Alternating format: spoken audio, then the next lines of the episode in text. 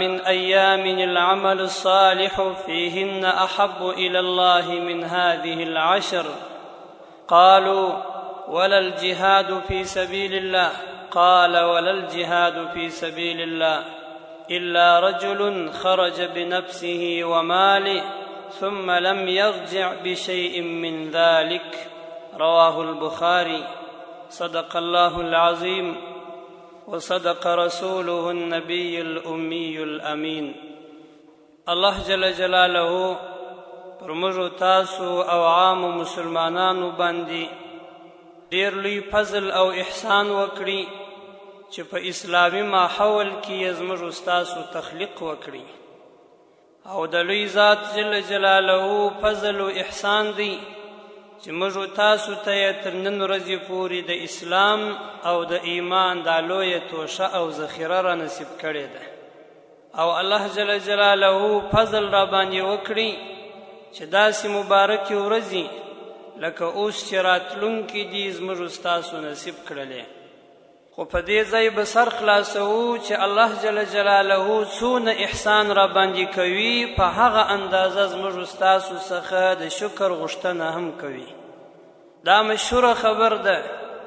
د عامو انسانانو په ذهنو کې چې د روژې میاشت مبارکه میاشت ده او عام مسلمانان په دې پوهیږي چې دغه لس اولی ورځې د لوی اختر د میاشتې مبارکې ورځې دي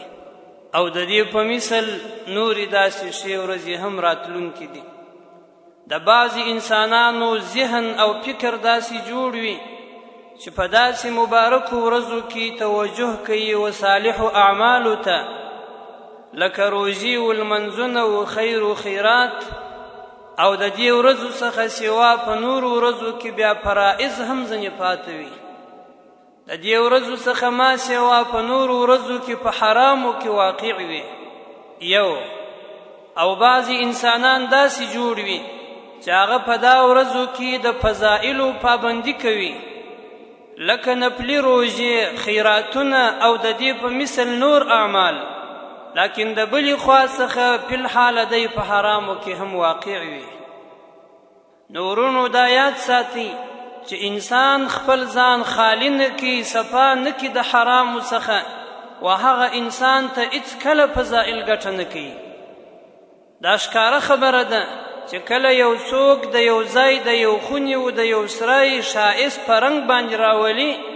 د هغه د پاره دا ضروری ده چې مخکې به د هغه سرای او د خونی غارونه دا غسرایو د خونی خسو خاشاک به ټول استکی چې دا هغه څخه تخلی راغلل بیا پرنګو باندې تحلی راځي نو زموږ استادو د ځانو د نفسو خالیوالی د رضائل څخه هغه وخت ضروری دي کوم تاسو د خپل ځانو شایسته کول په نیکو صفاتو باندې کول نو دا ډیره زیاته مهمه خبر ده چې هر انسان نارینه او ښځینه و دې ته متوجه سي چې په داسې ورځو کې خپل ځان ته خپل ماحول ته او په ځان کې و ژبې ته و سترګې ته و لاسو ته و پښو ته خصوصا و زړه و فکر و دماغ ته زیات توجه وکړو که د یوې خوا څخه رسول الله صلی الله علیه وسلم زیاته پابندي پر دې باندې کړې ده چې د داسې خاصو ورځو د روژې او د نورو اعمالو امر عام امت ته کړی دی که د یوې خوا سره رسول علیه صلات وسلام د مبارکو شپو لکه شب قدر د هغه د لمانځو د ذکر او د اذکار امر یې کړی دی خو د بلې خوا څخه الله جل جلاله و عام اسلامي امت ته په عامو اوقاتو کې هم د لمنځو د روژو د زکاتو د خیرو د خیراتو د وسیلې امر کړی دی آیا انسان په صرف یو څو ورځو نیکو اعمالو باندې د ټوله کال کال د بدی کفاره او جبیره کولی شي او آیا انسان چې کله په یو دولس میاشتو کې د یوې میاشتې چې روژه ده د دې میاشتې د اطاعاتو پابندي وکړي دا نور یولس میاشتې دا حق نه لري چې په هغو کې انسان صالح اعمال وکړي او آیا انسان چې په دا میاشت کې د لس ورځو پابندي کوي دا ورپسې لسي هغه ورپسې آخري لس ورځې هم حقدار په دې باندې نه دي چې انسان د هغو د نیکو اعمالو پابندي وکړي او آیا انسان چې په دې باندې مکلف دی په داسې مبارکو ورځو کې به د مسکینانو او فقیرانو سره نیکي کوي نو آیا دا نور عام اوقاتو کې مسکینان د دې حقدار نه دي چې څوک کومک ورسره وکړي او انسان چې په شواروز کې الله جل جلاله په ټوله هفته کې د دغه جمعې د ورځې د لمانځه امر کړی دی دا د جمعې د ورځې وراتک ته چې خلک اماده وي متوجي وي راځي او دا ګامونه الله جل جلاله د انسان په نیکو اعمالو کې شمیري نو آیا په عامو اوقاتو کې و عام المنزو ته راتلل دغه ګامونه به الله ته خوښ نه وي دا به کفاره زموږ ستاسو د ګناهونو نه ګرځي داسې نه ده بلکې په هر وخت کې هر انسان د الله جل جلاله د خوا څخه مسؤلیت لري چې صالح اعمال وکړي فرائض د الله جل جلاله پر هغه طریقه عملي کړي چې څنګه الله جل جلاله فرض کیږي هر انسان په هر وخت کې د الله جل جلاله د خوا څخه په دې باندې مکلف دی چې د خپل قریبانو سره وسیله رحمي وکي نه په خاص اوقاتو کې هر انسان په دې باندې مکلف دی چې مساجد د الله جل جلاله په طاعات باندې آباد کړي هر انسان په دې باندې مکلف دی چې قرآن عظیم الشان د کال د شروع څخه بیا تر کال تر پایه پورې د اوله سه د قرآن تر اخره پورې ټوله ووایي دا صحیح خبره ده دا پر ځای خبره د رسول علی سلام به د قران عظیم شان د بعضی سوراتو فضائل زیات بیان کړی وي دا د دې معنا نه ور کوي چې یوازې هغه سوراتونه وایه نور هیڅ کلمه وایه دا د دې معنا ده چې دغه سورتو ته الله یو خاص امتیاز ورکړی دی قرآن د شروع څخه بیا تر والناس پورې ټول قرآن دی که د فرعون نوم پکښې دی که د هامان نوم پکښې دی که د قارون نوم پکښې دی هر توری د الله کلام دی هغه ته د قدر او د عزت په سترګه باید سړی وګوري رسول علیه الصلاة والسلام که د دغو لسو ورځو فضیلت بیان کړی دی دا د دې معنا نه ورکوي چې یوازې په دغو ورځو کې روزې نیول الله ته خوښې دي په نورو عامو اوقاتو کې نفلي روزې الله جل جلاله ته ناخوښه دي په دغو ورځو کې الله جل جلاله ته نفلي لمونځ خوښ دی په عامو ورځو کې بیا الله ته ناخوښ دی بلکې دا د دغو ورځو یو خاص امتیاز دی چې الله جل جلاله ورکړی دی الله جل جلاله چې د روژې مبارکې میاشتې ته امتیاز ورکړی دی چې د هغه نفلي اعمال پر فرضي باندې حسابل کیږي او د هغه فرض د او یاو فرضو ثواب لري دا د دې معنا نه ورکوي چې په عام کال کې به روژې فضیلت نه لري خیرات په فضیلت نه لري بلکې په ټول کال کې الله جل جلاله ته هر نیک عمل خوښ دی الیه یسعد الکلم الطیب والعمل الصالح یرفع الله جل جلاله وای ماته کلمې طیبه را پورته کیږي صالح عمل ماته راځي د الله جل جلاله په دربار کې ټول اعمال مقبول دي په هر وخت کې نو موږ او تاسو د داسې ورځو د نیکو اعمالو څخه په دې معنا باندې باید ګټه پورته نه کو چې دا زموږ په کال کې یو چانس دی په لاس راغلی ټول کال به بیا فارغ ناست یو په دغو ورځو کې زموږ ستاسو نیک اعمال باید موږ تاسو د نورو نیکو اعمالو دپاره ذریعه وګرځوو ځکه انسان یو مزاج لري یو طبیعت لري هغه طبیعت دا دی چې کله انسان یو وار د نیکو اعمالو سره د صالحو اعمالو سره عادي سو بیا نور اعمال ودته هم اسانه کیږي ولو که د مشقت او د تکلیف والا وي او انسان چې کله د ګناو خواته متوجي سي یواري پر ګناو باندې مخ سي بیا دې انسان ته ډېر لوی لوی ګناوي هم اسانه کیږي نو دغه سي خاص خاص ورځي موږ تاسو راويشي رسول عليه صلوات و سلام چې امر کوي په دې نیت باندې چې په دا خاص ورځو کې اعمال کوه الله جل جلاله به ستا توجه وکړي د نورو نیکو اعمال وخواته په شواروز کې پنځه واره مؤذن اعلان درته کوي چې راسه د خلاصي وځای ته راسه د کامیابۍ وځای ته او بیا الله جل جلاله د دغه عبادت لپاره یو خاص خاص ځایونه انتخاب کړي دي چې هغه عبارت دي د مساجدو څخه په دې کې ما او تا ته دا عبرت راکوي چې ستا خوله چې په درواغو په غیبت او په بهتان باندې عادت سوې ده پنځه واره راسه د الله په ذکر باندې یې اخته که چې ستا خوله بیرته پاکه سي ستا ګامونه چې د ګناو و خواته تللي وه یواري راسه مسجد ته هم دا ګامونه راواخله چې ستا توجه او ستا علاقه د مسجد و خواته هم سي ستا بدن چې ناپاکه سوی وو یوارې یې پاک که په اوداسه باندې او د عبادت وخوا ته راسه چې الله دې هیر نسی په اپته کې دا تنبیه ما و تا ته راکوي دا اګاهي راکوي چې د عامو انسانانو سره د عامو مسلمانانو سره ستا تعلق قطع سوی دی راسه د جمعې لمانځه ته راسه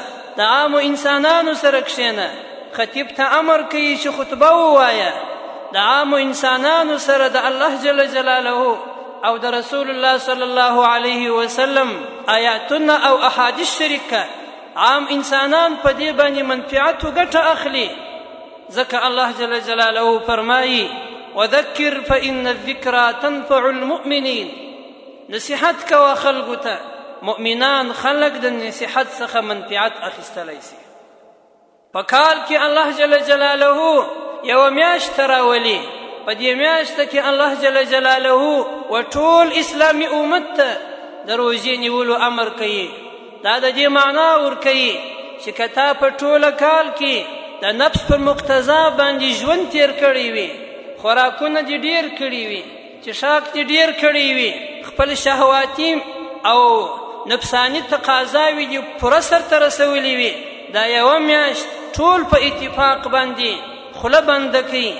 د خوراک څخه خوله بنده کوي د چشاک څخه خوله بنده کوي د غیبت و بهتان و درواغو څخه او تاسو په دې شپو کې د دې میاشتې په اتفاق او په اجتماع باندې لمنځونه کوي و الله جل جلاله ته ستاسو به نفسونه پاک سي ستاسو به اتفاق او وحدت راسي دا رقم الله جل جلاله دغه لس ورځې د لوی اختر د میاشتې اولې لس ورځې دي دې ته یې هم فضیلت ورکړی دی او یو خاص امتیاز یې ورکړی دی الله جل جلاله قرآن عظیم الشان کې په سورة الفجر اول دوم دریم څلرم پنځم آیتو کې د دغو لسو ورځو په باره کې فضیلت بیانوي او فضیلت د قسم په شکل باندې بیانوي او الله جل جلاله فرمایي والفجر زما دې قسم وي د سهار په وخت باندې وليال عشر او زما دی قسم می په دغه لسو شپو باندې والشفع والوتر او زما دی قسم یو په شفع سره زما دی قسم یو په وتر سره رسول الله صلی الله علیه وسلم د دغه آیاتو په ترجمه کې فرمایي روایت ته امام احمد ابن حنبل رحمه الله دی وی العشر هي العشر ذی الحجه دا لس ورځې چې الله جل جلاله یادوي دا لس ورځې د ذوالحجې د میاشتې اولې لس ورځې دي والشفع هو یوم النحر شفع د لوی اختر اوله ورځ ده والوتر یوم عرفه او وتر چې دی دا د عرفات ورځ ده الله جل جلاله دا لس ورځې په درې وارو باندې یادې کړلې په دې صورت مبارک کې او په دغو لس ورځو باندې یې درې واره قسم وکړي او دا قسم یې یو وارې اجماعا وکړي بل وارې انفرادن انفرادن وکړي یو وارې الله جل جلاله ولیال عشر یاد کړي دا لس شپې چې لس ورځې هم ورسره ملګرې دي بل وار بیا الله جل جلاله وتر یاد کړي شفع یې یاد کړه چې هغه د لوی اختر ورځ ده د لوی اختر اوله ورځ هم په دغو لسو ورځو کې داخله ده بل وار بیا وتر یاد کړي وتر د عرفات ورځ ده چې د دې میاشتې نهمه ورځ کیږي دا یې بیا یاد کړه او د قسم په شکل باندې یاد کړه د دې آیتو څخه مفسرین رحمهم الله دا مسئله را باسي چې الله جل جلاله چې تکرارا قسمونه په دغه لس ورځو باندې اخلي دا د دې معنا ورکوي چې الله جل جلاله ته دا ورځې محبوب دي کله چې الله جل جلاله ته کومه زمانه محبوب سي نو په هغه زمانه کې بیا عمل هم الله جل جلاله ته محبوب دی کله چې الله جل جلاله ته یو ځای محبوب سي په هغه ځای کې هم عمل الله جل جلاله ته محبوب دی کله چې الله ته یو ذات او یو شخص محبوب سي د هغه ذات او د هغه شخص عمل هم ورته محبوب وي موږ تاسو د دې لپاره مثالونه د احادیث څخه اورېدلې دي الله جل جلاله ته میاشت د روزې محبوب ده په میاشت کې د روزې هر عمل الله جل جلاله ته تر دې نور یولس میاشتو خوښ دی الله جل جلاله ته مکه مکرمه محبوب ده په مکه مکرمه کې عبادت تر ټولې دنیا الله جل جلاله ته خوښ دی الله پاک جل جلاله ته په عام مزکو کې مساجد خوښ دي نو الله جل جلاله تل منځ کول عبادت کول تر عام مزکو په مساجدو کې خوښ دي الله جل جلاله ته نبيان خوښ دي نو الله جل جلاله ته د نبيانو اعمال تر عام انسانانو خوښ دي الله پاک جل جلاله ته علما خوش دي د علما و عام اعمال د عام خلق تر عام اعمال الله جل جلاله ته خوش دي نو کله چې الله پاک جل جلاله په دغه لس شپو باندې قسم وکړي نو د دغه لس شپو هر عمل دا الله جل جلاله ته هم ډیر زیات محبوب او خوش دی بعضی انسانان دا فکر لري چې په دغو ورځو کې په دا لسو ورځو کې د ذوالحجې یوازې روژه الله جل جلاله ته خوښه ده او نور اعمال به نو الله ته مقبول نه وي نو بعضې انسانان د کموسۍ په خاطر باندې چې ضعیفه وي د روژې طاقت نه لري بیا مایوسي کوي خورونو تاسو دا خبره په یاد وساتئ چې الله جل جلاله چې کله دغو شپو او ورځو ته فضیلت ورکړي هر عمل د نیکو اعمالو څخه الله جل جلاله ته په دغه ورځو کې هم محبوب دي په دې باره کې یو صحیح روایت د صحیح البخاري دی مبارک علیه الصلاة والسلام فرمایي ما من ايام العمل الصالح فيهن احب الى الله من هذه العشر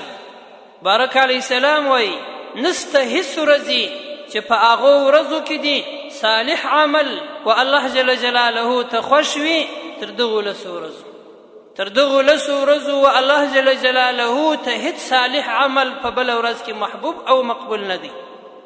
په دې حدیث کریمه کې رسول الله صلی الله علیه وسلم مطلق صالح عمل یاد کړی هغه که بدنی وي که مالی وي که زبانی وي هر عمل د نیکو اعمالو څخه چې انسان په دغو ورځو کې کوي هغه الله جل جلاله ته زیات خوښ دی صحابه کرام عرض کوي ولل جهاد فی سبیل الله اې د الله رسول جهاد هم الله جل جلاله ته تر دغو ورځو تر نیکو اعمالو کم دی په مرتبه کې د دغو ورځو نیک اعمال تر جهاد هم افضل دی فی سبیل الله رسول الله صلی الله علیه وسلم په جواب کې ورته فرمایي ولل جهاد فی سبیل الله جهاد فی سبیل الله هم د دغه ورځو د صالح اعمال سره نسی برابر یدلای الا رجل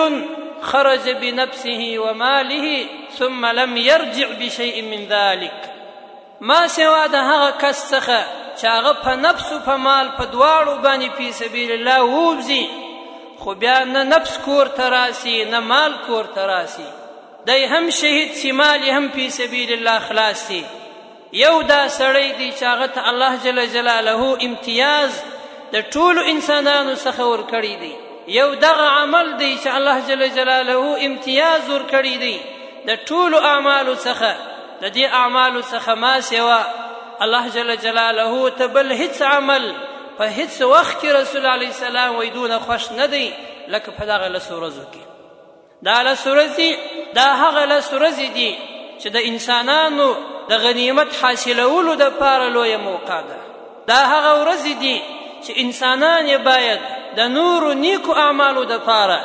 انسانان یې د نورو ورځو د خیرو د صالح عمل دپاره ښه ذریعه او مهمه ذریعه ګرځولی سي زموږ ستاسو او د عامو انسانانو لله الحمد مزاج او طبیعت ایماني او اسلامي جوړ سوی دی بعضې اوقاتو کې یا انسي یا جني شیطان پر انسان باندې غلبه کوي انسان غافل کې انسان خطا باسي نو الله جل جلاله د داسې ورځو په خاطر باندې د داسې شپو په خاطر باندې ما او تا د تنبیه را کوي چې ویښ اوسه بیدار اوسه ما او تا د صالحو اعمالو سره عادي ګرځوي که ما او تا ته روژې په عامو اوقاتو کې مشکلې وي او پوره اعتماد او باور په ځان باندې نه لرو چې روژې دې نه پلي ونیسو داسې ورځې الله جل جلاله راولي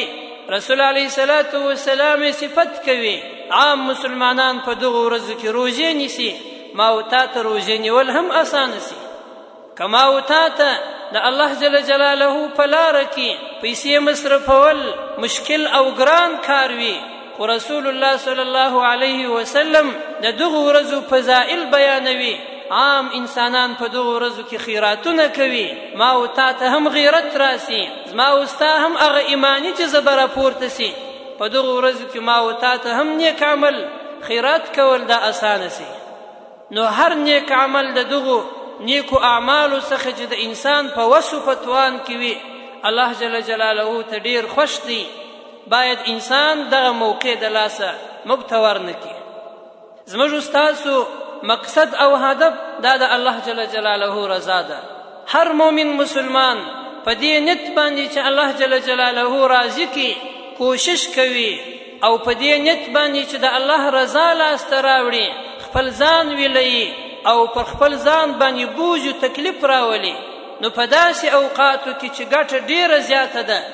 په داسې شپو ورځو کې چې ګټه یو په لس باندې ده باید زیات کوشش پر دې باندې وکړو چې پر خپل ځان باندې بوج او تکلیف راولو چې الله جل جلاله ته ډیر خوښ شي سعید ابن جبیر رحمت الله تعالی علیه چې مشهور تابعی دی د زهاد او فقهاو او لوی علماو څخه دی دا په دغه لس ورځو کې دون زیات خواري کښلې دون تلاوت به یې کاوه دون عبادت به یې کول حتی کاد الله یقدر علی نږدې به ودې ته و چې اخر د وسو د توان څخه ووځي دې ته به نږدې وو چې آخر د ولاړې څخه ووځي چې ونه درېږي آخر به دې ته نږدې وو چې چپس یې کښېنستلی به هم نسو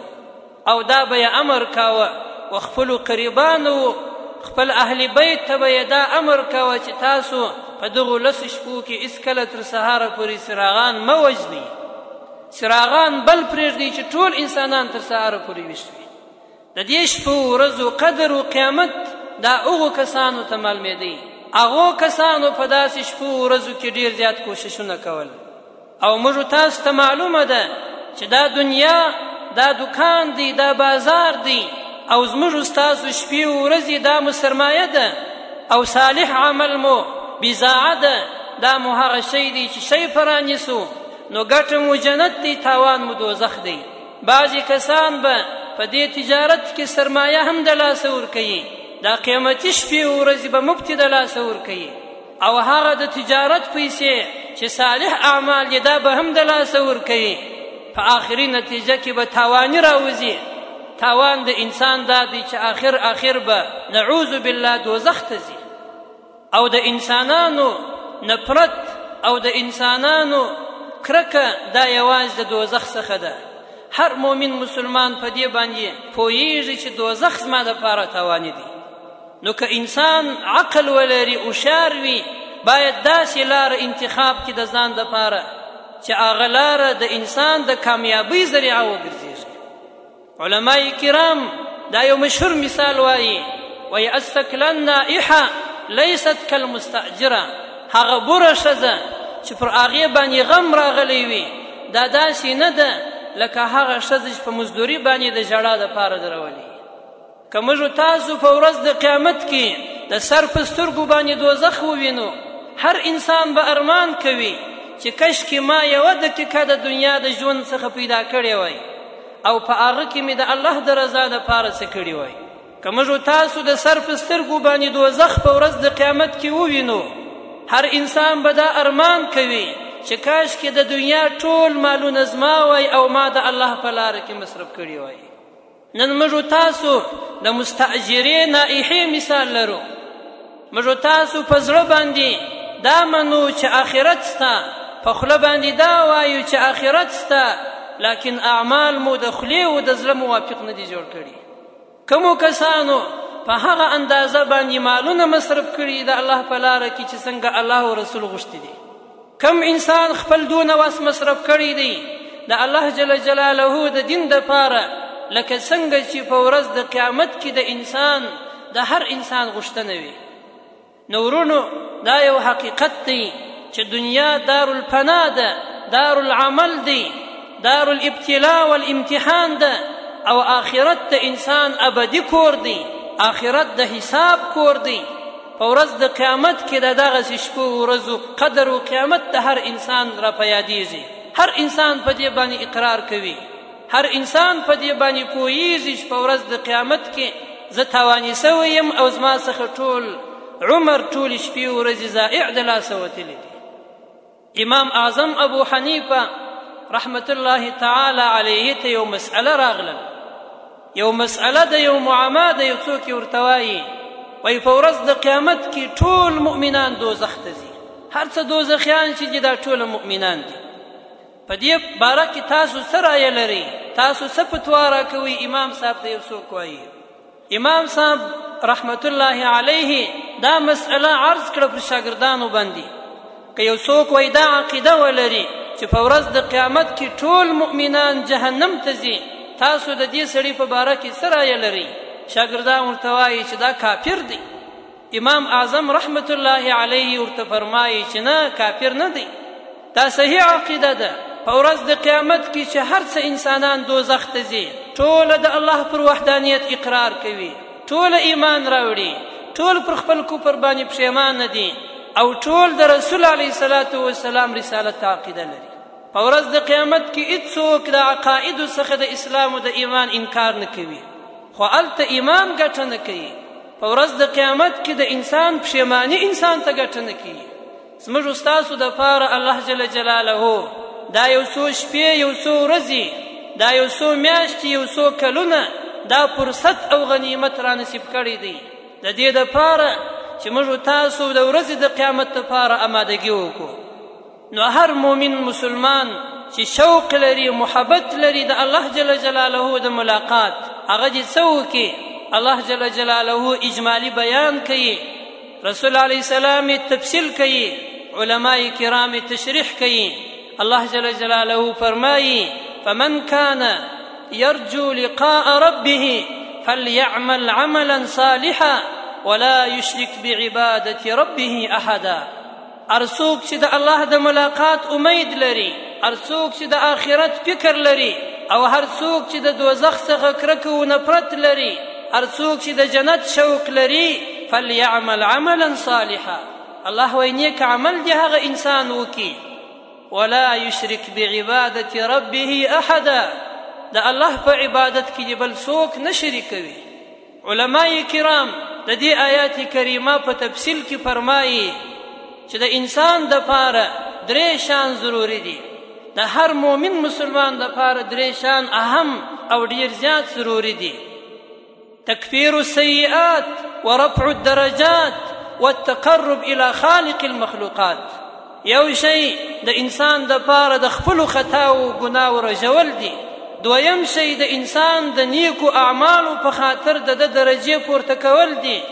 او دریم شی و خالق ته د مخلوقاتو د ځان نږدې کول دي خالق ته د مخلوقاتو انسان په چش نږدې کیږي د انسان ګناوي په چش باندې رژیږي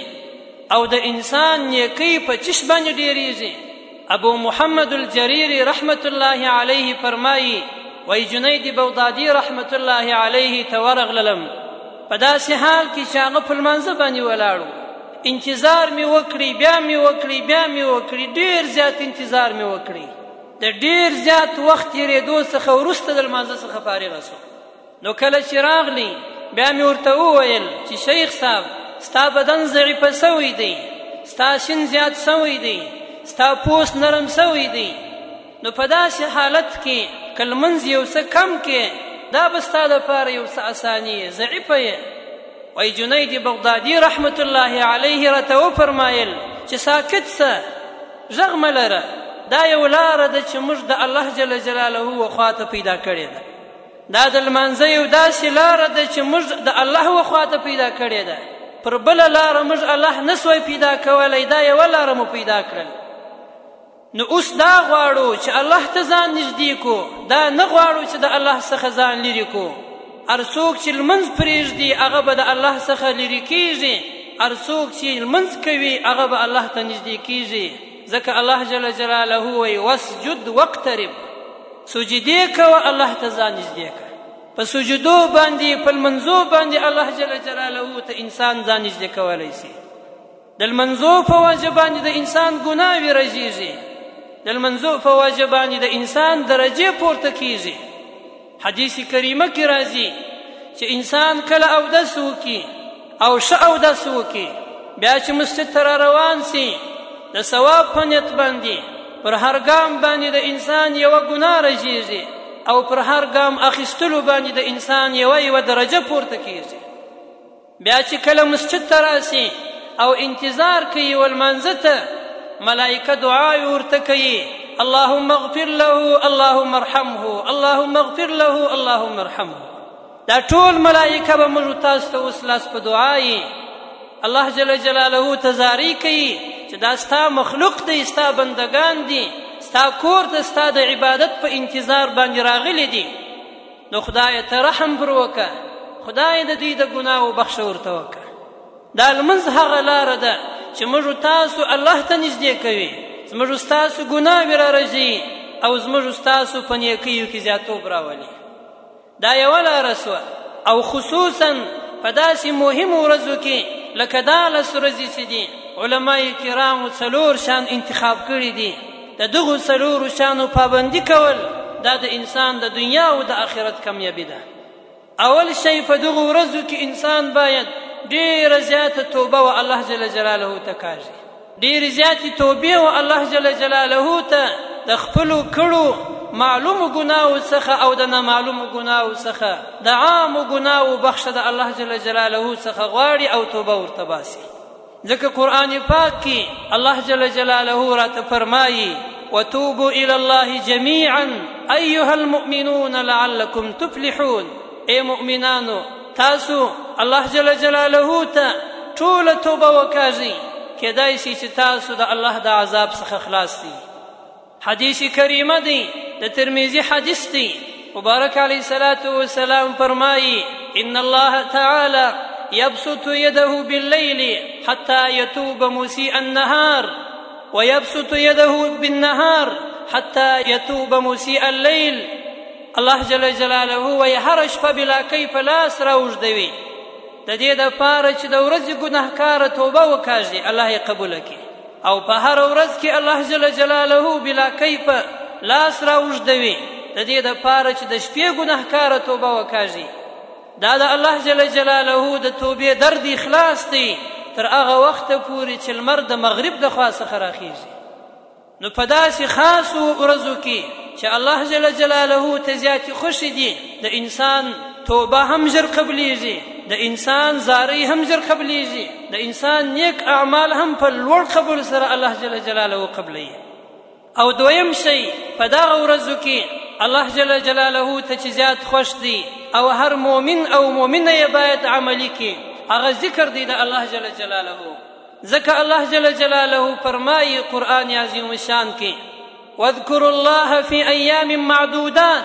تاسو ذکر کوئ د الله جل جلاله په دغه معدوده او شمیرل سو ورځو کې اکثر مفسرین علما کرام د دغه معدودات ورځو څخه دغه لس ورځې اخلي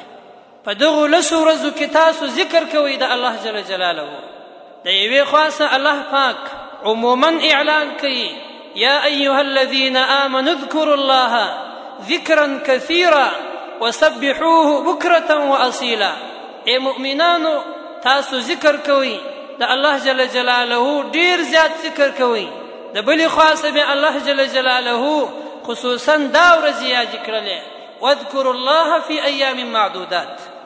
په دغو ورځو کې بیا د الله ذکر کوي علما کرام دا مسئله ځنې راباسي چې ذکر چې هر څونه ثواب لري په دغو خاصو ورځو کې ډیر زیات ثواب لري نو موږ تاسو هم باید دوهم شی په دغو ورځو کې چې د خپل ځان د پاره عمل ګرځو هغه به ذکر د الله جل جلاله کوو هر ذکر هر ذکر چې پر ژبه باندې راته اساني الله ته خوښ دی نه خاص ځای غواړي نه خاص کیفیت غواړي نه خاصه زمانه غواړي په هر وخت کې پر هر کیفیت باندې هر ذکر په دغه ورځو کې شراته اسانه وکوو به او دریم شی چې په دغه ورځو کې کوم وس وتوان څه لږ ډیر وي باید روزي هم ونیسو په دغه ورځو کې باید روژې ونیسو ځکه چې روژه هغه عمل دی چې الله جل جلاله په خپل ذمه باندې د دې عمل جزا کړې ده او دا یې فرمایلی دی حدیث قدوسي دی چې د هر عمل بدله به یو په اووه سوه باندې هم ورکوم ما سوا د روژې څخه د روژې بدله زه ورکوم زه بنده راضي کوم دا رأس الاعمال دی چې الله جل جلاله ته روژه په عام اعمالو کې خوښ سول نو خاص په دغه ورځو کې هم باید چې د یو چا څه وس وتوانې د روژې پابندي وکړي او څلورم شی په دغو ورځو کې چې موږ تاسو یې باید عملی کو تر خپل وسه پورې باید څه خیر او خیرات هم وکړو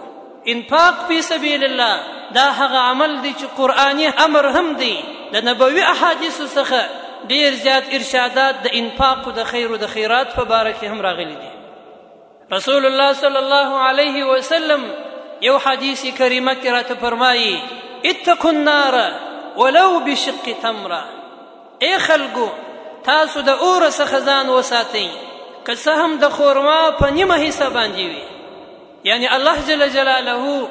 موږ تاسو په دې باندې نه امر کوي چې خامخا به ټوله سرمایه خیراتوو